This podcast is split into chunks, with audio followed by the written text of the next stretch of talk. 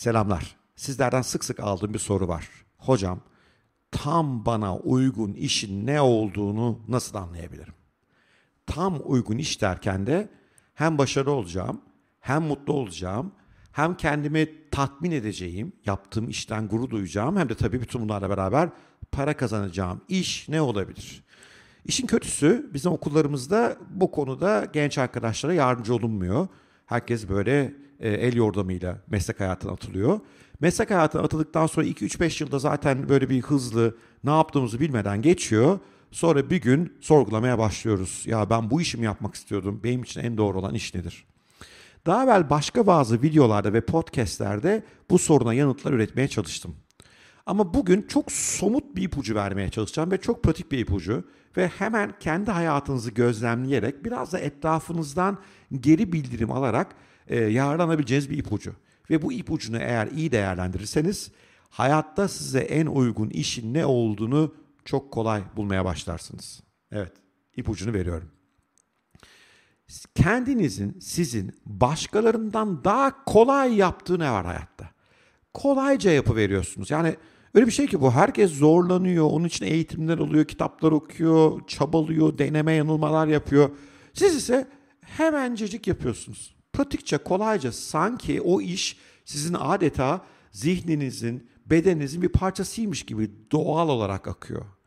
Bu ne ise bu sizin yapmanız gereken iş, izlemeniz gereken kariyer yolu veya bir girişimci olacaksanız kurmanız gereken şirketin iş alanı ile ilgili bilgi veriyor olabilir.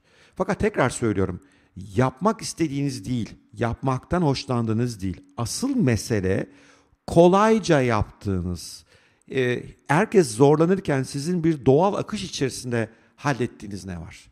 Benim için ne olduğu belli. E, ben yazma ve okuma konusunda çok rahatım.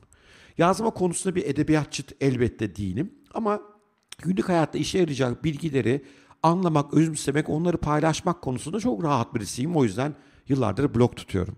E bir de konuşmak konusunda iyiyim. E, dinlediğim, öğrendiğim bir şeyi insanlara aktarmak konusunda kuvvetliyim. Bunu çok doğal yapıyorum. Topluluk 10 bin kişi de olsa yapıyorum. Bir kişi de olsa kolay yapıyorum. Heyecanlanmıyorum. Heyecanlansam bile bu bana olumlu katkısı da bulunuyor. Bu benim doğal olarak iyi yaptığım şey. Buna karşın sporda süper yeteneksizim.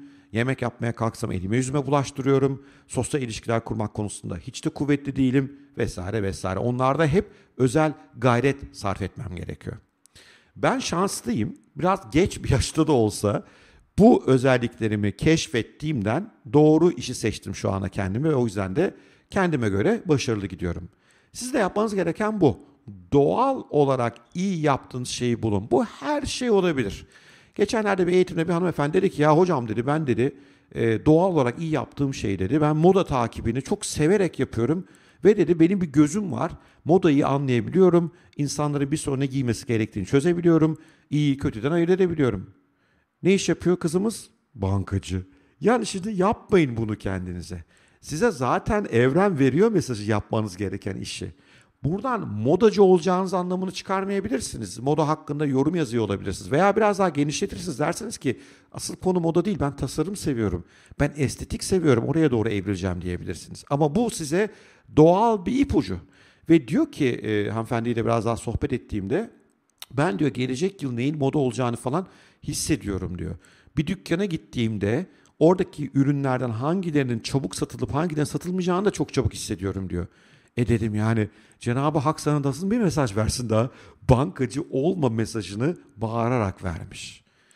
Lütfen kendinizin neyi kolayca yaptığına odaklanın ve bunu sakın küçümsemeyin. Çünkü bazımız hatta çoğumuz kolayca yaptığımız şeyleri küçümsüyoruz biraz. Sanıyoruz ki bu çok doğal ya. Bunu herkes kolayca yapar. Mesela şöyle yapıyoruz. Ben iyi konuşuyorum ya, kolay konuşuyorum ya. Birisi konuşamayınca diyorum ki ya ne var bunda ya açık konuş işte. Değil, onun için çok zor. O yüzden de bazen bu kolayca yaptığımız şeyin kıymetini anlayamıyoruz. Değerini hissedemiyoruz. O çok değerli. Çünkü öbürleri zor yapıyorlar. Ve bu kolayca yaptığınız şeye odaklanır. Onun etrafında yaratabilecek işler, kariyer fırsatları neler konusuna bakarsanız mükemmel bir iş hayatına sahip olma ihtimaliniz e, son derece artmaya başlıyor. Eğer ebeveynseniz çocuklarınızı izleyin. Çocuklarınızın diğer çocuklardan daha kötü veya daha zor yaptığı şeylerle ilgilenmeyin. Diğer çocuklardan daha kolay ve bazen de daha güzel yaptığı şeylerle ilgilenin. Öbür taraf değil ana konumuz. Bizim ilgilenmemiz gereken alan kolay yapılan işler. Evet. Ne yazık ki insan doğası kendisiyle pek barışık değil. Hep başkalarının yaptıklarıyla ilgiliyiz. Mesela ben gençken, çocukken hep basketbolcuları, sporcuları çok özenirdim. Oynamaya çalıştım ama yok işte vermemiş Allah yani. Aynı basketbolda aynı hareketi hoca yanımdaki arkadaşı öğretiyor. iki dakikada kıvırıyor ben bir türlü beceremiyorum. Ama istiyordum. Niye? Çünkü basketçi olmak daha hoş. Belki o yıllar bu konuşma ve yazma becerilerimin daha farkında olsaydım ve bunun başkaları için ne kadar zor olduğunu, benim için ne kadar kolay olduğunu o zamandan görseydim belki şimdi çok daha başarılı bir yazar, belki uluslararası bir konuşmacı vesaire olurum bilmiyorum ki. Geç fark ettiğim için bugünkü konumdayım. O yüzden sizi erken fark etmeye davet ediyorum. Çocuğunuz varsa çocuğunuzu gözlemleyin.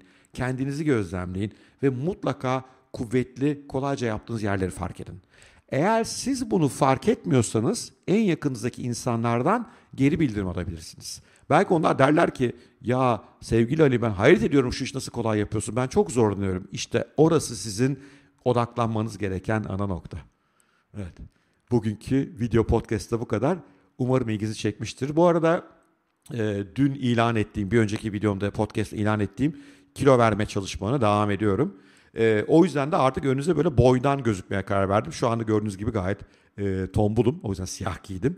Ama hayalim o ki 3 ay sonra e, karşınıza daha slim fit kıyafetlerle çıkıyor olacağım. Bakalım başarabilecek miyim? Bu arada pek çok başka arkadaş da benimle beraber bu mücadeleye girdiler. Sağ olsunlar paylaştılar. Kimi DM'lerden, kimi yorumlardan. Onların da performansı, değişim performansı izliyor olacağız. Çünkü ne demiştik? Kendimizi başkalarının önünde sorumlu kılarsak çok daha o işe kendimizi adıyoruz diye. Ben de o yüzden kendimi size borçlandırdım. Kilo vereceğim dedim. İnşallah doğru yolda yürüyordur. Peki. Yeni videoda görüşmek üzere. Her zamanki gibi eğer beni beğenmişseniz, bu videoyu beğenmişseniz kanalıma üye olun.